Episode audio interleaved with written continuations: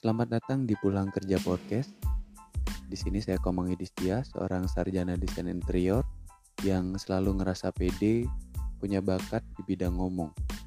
Dan saya di sini akan mencoba menemani teman-teman bercerita tentang pengalaman mereka ketika pulang bekerja. Selamat mendengarkan.